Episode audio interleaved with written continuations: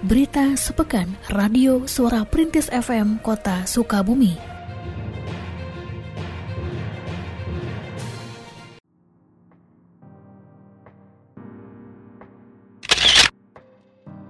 Perpustakaan Kelurahan Cikundul meraih prestasi sebagai perpustakaan kelurahan terbaik pertama dalam lomba perpustakaan tingkat Jawa Barat.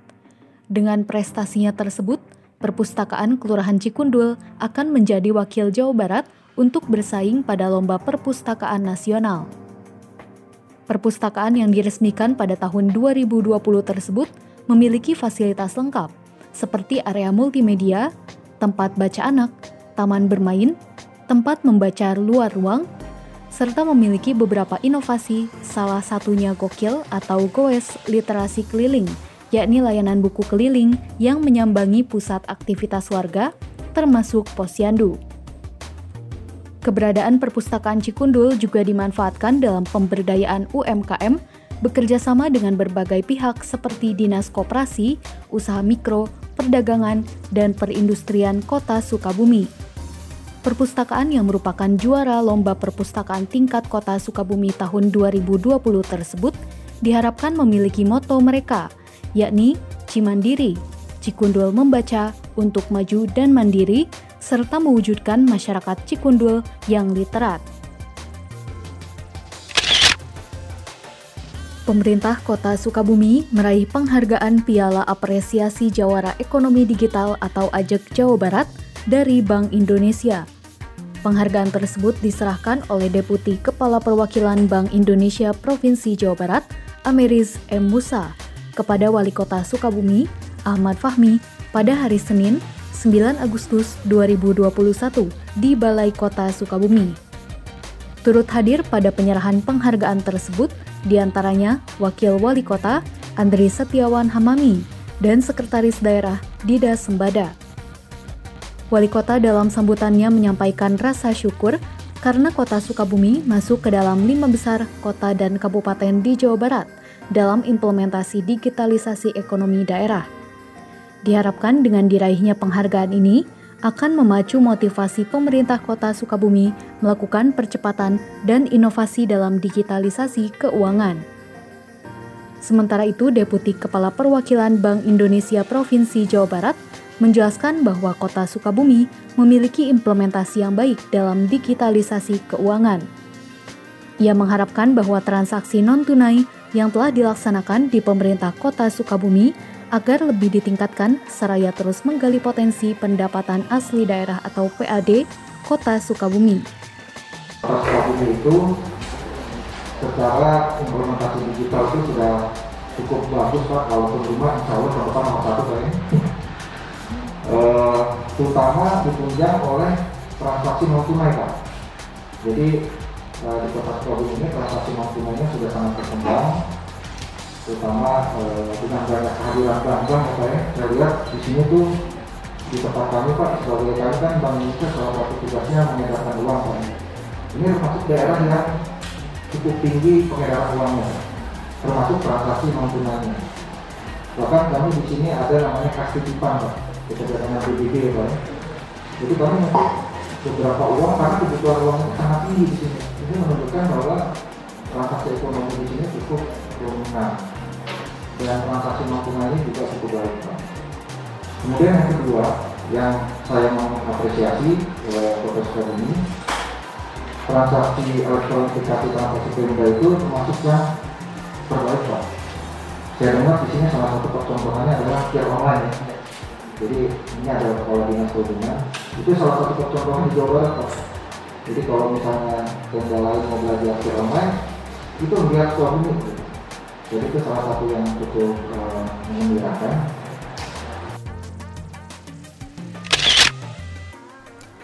Pemerintah Kota Sukabumi dalam penanggulangan COVID-19 menerima bantuan 2.000 botol vitamin C dari PT Agro Jabar.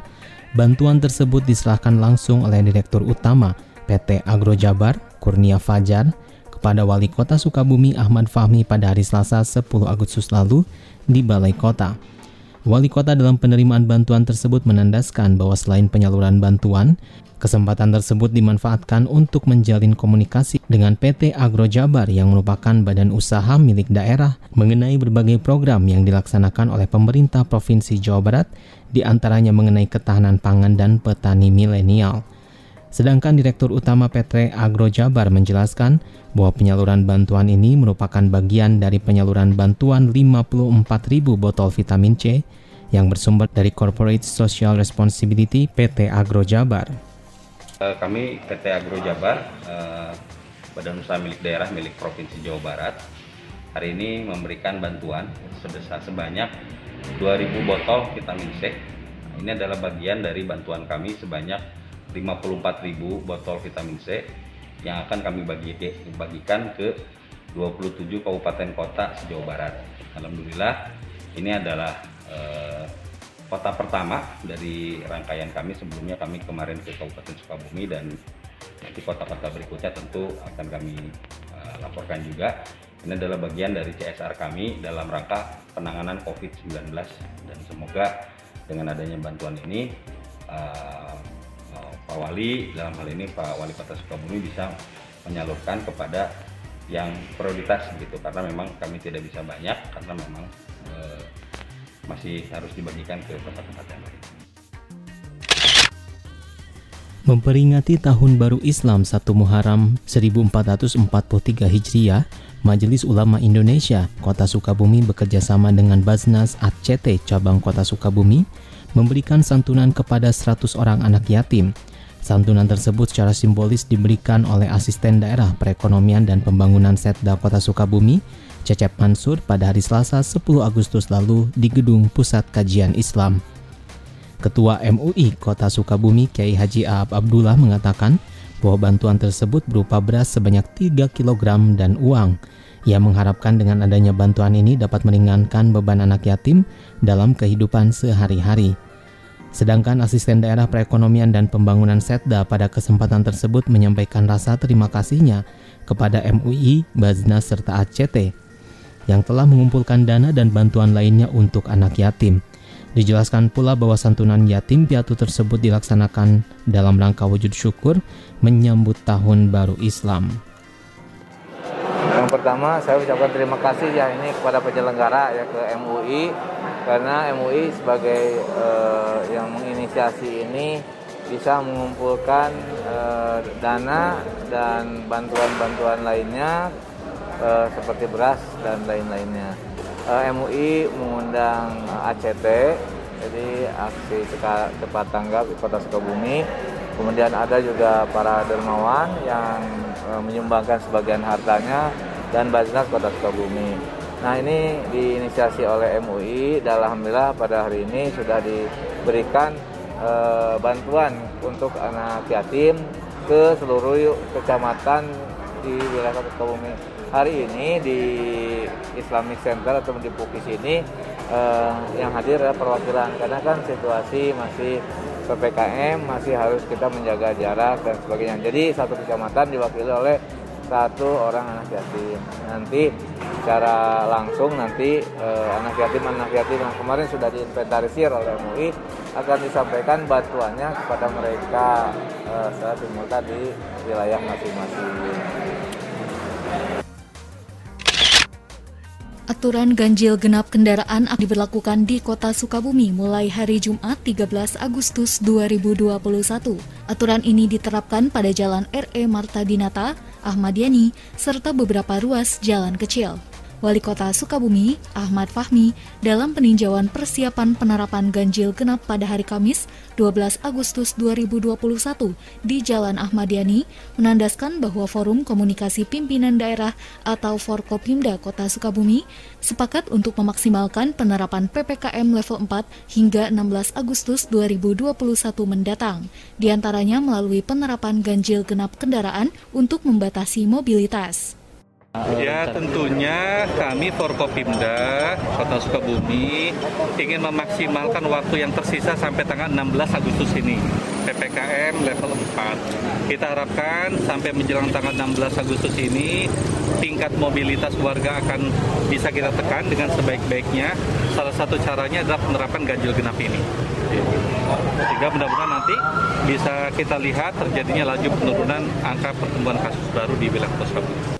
Sementara itu, Kapolres Sukabumi Kota, AKBP SY Zainal Abidin, mengatakan bahwa pemberlakuan ganjil genap merupakan pelaksanaan dari instruksi Menteri Dalam Negeri nomor 30 tahun 2021 tentang pemberlakuan pembatasan kegiatan masyarakat atau PPKM level 4, 3, dan 2 di wilayah Jawa dan Bali.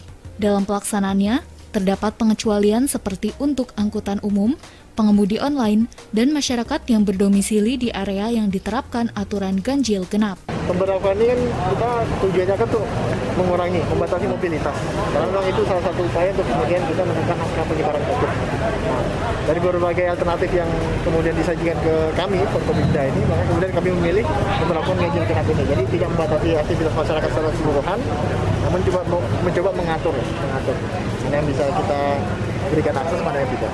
Pengecualian itu tetap kita berikan. Pertama untuk pertama untuk angkutan umum, kemudian untuk driver-driver ojol, termasuk juga uh, warga masyarakat yang memiliki uh, kediaman di dalam kawasan yang sudah Akibat percikan api sisa penggorengan yang menyambar kayu pembakaran, sebuah pabrik keripik di Jalan Asalam RT 8 RW 3 Kelurahan Anggeleng terbakar pada hari Kamis 12 Agustus 2021. Kepala Bidang Damkar dan Penyelamatan Dinas Satpol PP dan Damkar Kota Sukabumi, Sudrajat, dalam keterangan persnya menjelaskan bahwa kebakaran dapat dipadamkan sekitar pukul 16.50 WIB. Dijelaskan pula bahwa material bangunan yang terbuat dari kayu membuat api dengan cepat membesar melahap bangunan pabrik tersebut. Adapun kerugian material akibat kebakaran ini ditaksir mencapai kurang lebih 150 juta dengan luas area kebakaran mencapai 400 meter persegi. Tidak ada korban jiwa dalam kebakaran tersebut dan proses pemadaman melibatkan tiga unit mobil pemadam kebakaran serta personil Dinas Satpol PP dan Damkar, BPBD, TNI, Polri, Tagana, PMI, serta masyarakat. Sebab akibat uh, kebakaran dari percikan api karena memang ini pabrik menggunakan uh, kayu sebagai bahan bakarnya. Nah ini dari percikan ini dia merembet seperti itu. Jadi untuk sementara korban jiwa tidak ada, ukiran takdiran berdasarkan pemilik 150 juta. Nah penanganan kita sampai dengan pendingin ini belum selesai karena kita pendinginan. Ya unsur-unsur nanti yang terlibat dalam penanganan nanti dari jajaran uh, kelurahan, dari jajaran dari Polres, ya, dari BPBD, dari Satpol PP, nah, seperti itu kita kita ketika ada penanganan kebakaran. Nah, menurut informasi dari pemilik setelah ini setelah ini, melakukan kegiatannya sudah beres-beres mungkin ada sisa api yang belum dimatikan sehingga ada percikan ke atas karena ini memang uh, terbuat dari bahan kayu yang mudah terbakar sehingga ada percikan ke atas ini menyebabkan kebakaran memberikan edukasi kepada masyarakat mengenai pentingnya protokol kesehatan pencegahan penyebaran COVID-19 menjadi fokus Kejaksaan Negeri Kejari Kota Sukabumi dalam penegakan peraturan pemberlakuan pembatasan kegiatan masyarakat PPKM sejak awal bulan Juli lalu. Hal tersebut diungkapkan oleh Kasih Intelijen Kejari Kota Sukabumi, Arif Wibawa, dalam talkshow Radio Suara Perintis pada 12 Agustus lalu. Sejak PPKM diberlakukan dari masa PPKM darurat hingga PPKM level 4 sampai 16 Agustus mendatang, pihak Kejari Kota Sukabumi telah menindak 221 pelanggar protokol kesehatan seperti tidak menggunakan masker dan pembukaan usaha di luar ketentuan PPKM. Dengan salah satu sanksinya yakni penerapan denda. Dari jumlah pelanggaran tersebut, sanksi denda yang diberikan total mencapai 24 juta yang disetorkan ke kas negara sebagai penerimaan negara bukan pajak. Namun ditegaskan oleh Kasih Intelijen Kejari Kota Sukabumi bahwa dalam penindakan pelanggaran selama PPKM, pihaknya tetap mengedepankan sisi humanisme, karena penindakan yang dilakukan bersifat edukasi dengan tujuan memberikan dan meningkatkan kesadaran masyarakat mengenai penerapan protokol kesehatan pencegahan penyebaran COVID-19.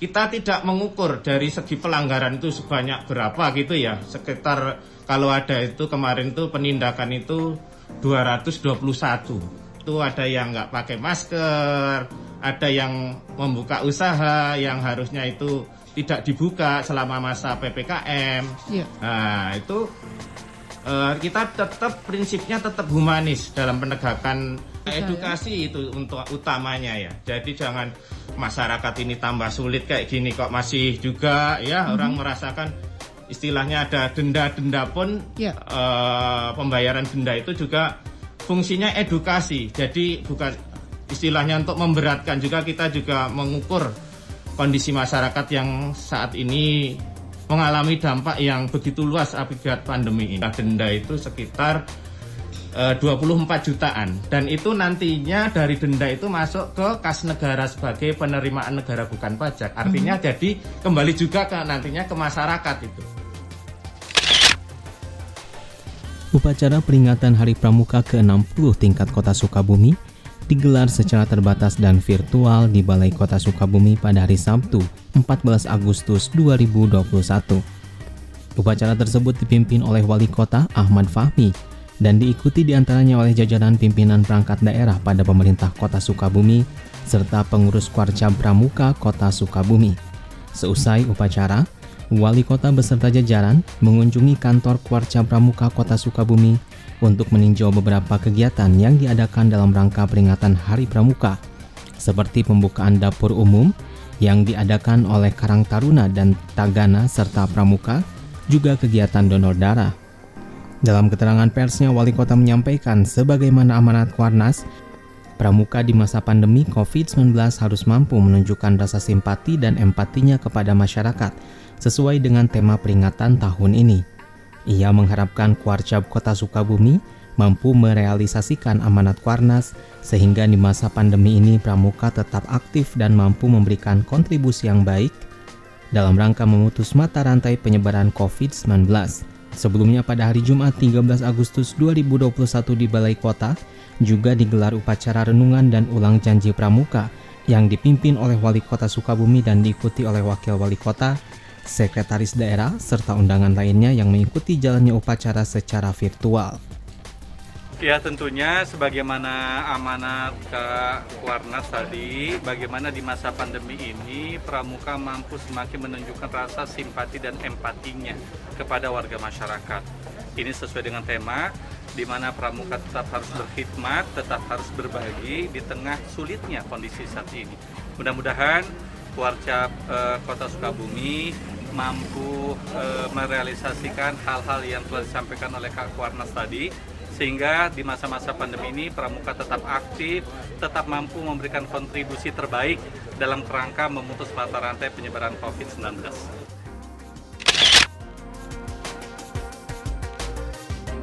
Berita sepekan Radio Suara Perintis FM Kota Sukabumi.